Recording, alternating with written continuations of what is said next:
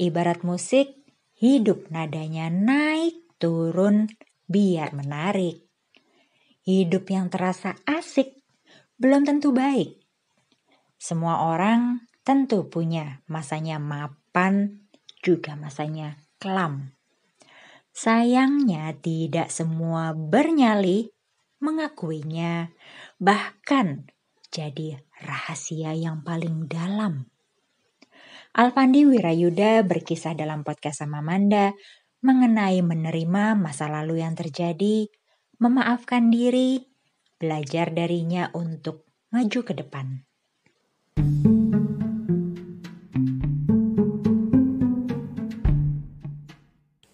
Saya lahir di keluarga yang berkecukupan. Orang tua saya itu mendidik anak-anaknya agar anak itu tahu kesederhanaan.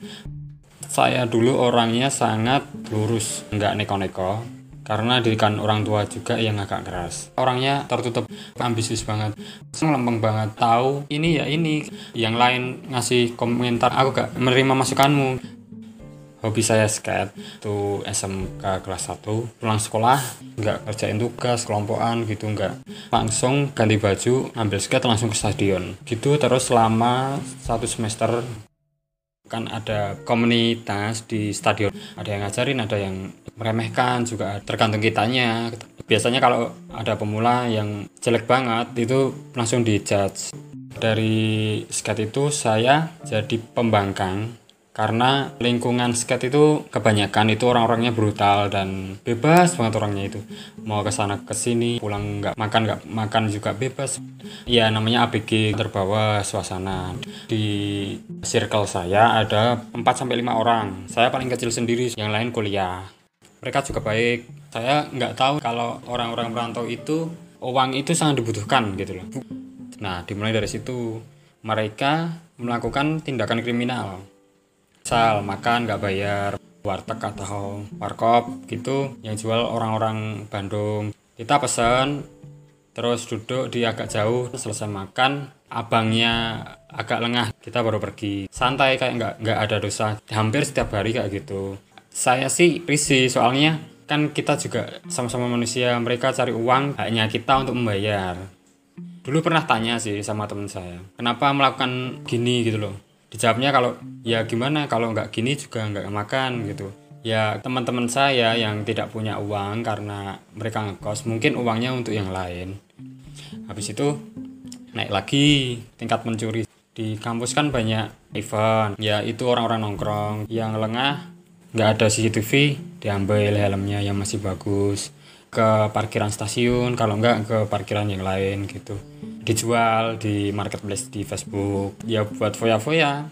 Suatu sisi saya seneng sih ada temennya gitu tapi nggak yang begitu juga. Oh ya teman-teman saya ini pada punya pacar nah melakukan uh, tindakan seks bebas nah itu di kontrakannya dan saya sering disuruh nggak nggak apa-apa ayo nggak apa-apa. Ini tindakan normal. Hati kecil saya kayak wah udah nggak bener ya gimana juga gitu loh saya juga bingung diiyain aja ya udah gitu. Naik-naik-naik ke pencurian berencana parah kayak takut merasa bersalah. Pernah ambil motor ambil HP direncanakan juga. Orang nggak bersalah ditonjokin di pinggir jalan gitu dibunuh. Di hati itu sampai kapalan tentang mati karena ditonjokin Nah, sampai titik itu saya memutuskan untuk kabur dari circle itu. Tapi nggak bisa-bisa. Juga takut jadi buron gitu loh. Soalnya saya juga nggak tahu, nggak punya cara buat keluar dari circle itu.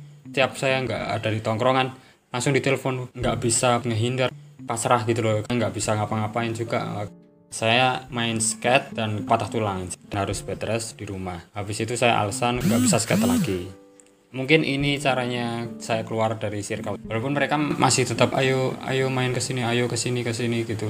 Saya memblokir semua kontak. Mereka masih minta lah mana BBMmu kok nggak bisa dihubungin? Tak kasih nomor palsu. Udah lost kontak. Mereka sedikit ada perubahan. Ada beberapa yang pergi. Ada beberapa yang masih tetap di circle itu. Orang-orang yang di DO dari kampus memang wataknya mereka begitu gitu loh seharusnya saya bisa lebih menghargai orang dan harusnya saya bisa merubah teman-teman nggak malah saya yang ikut. Soalnya orang tua saya itu orang yang berada tapi kok anaknya kayak gini. Menyesal menyesal menyesal. Parah sih pak. Kenapa masa muda kayak gini? Gelap banget. Kenapa hidupku kayak gini? Nggak bermanfaat nggak berharga banget gitu loh di mata Tuhan. Nggak pantas buat hidup. Ibadah itu nggak pantas. Mencoba bunuh diri nggak sih? Puji Tuhan semua bisa terlewati sekarang sudah berubah. Saya sadar bahwa di hidup ini ada yang baik ada yang jahat. Kalau kita suci-suci banget malah suatu saat ada waktu untuk meledak wah ini aslinya.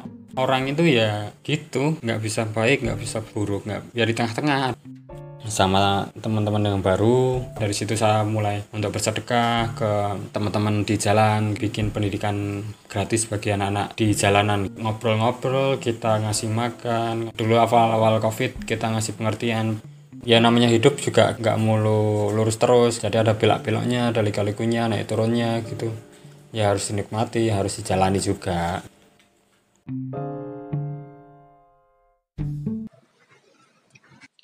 Sekali-kali jangan menggunakan masa lalu untuk meramal masa depan.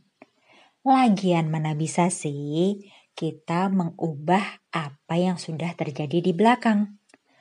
Mendingan kita belajar menghargai masa lalu supaya suatu saat nanti kita bisa menghargai hari ini.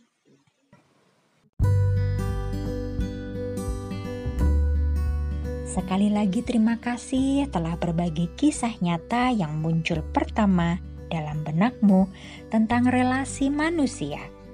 Podcast sama Manda mengajak mengurai rasa menjadi makna.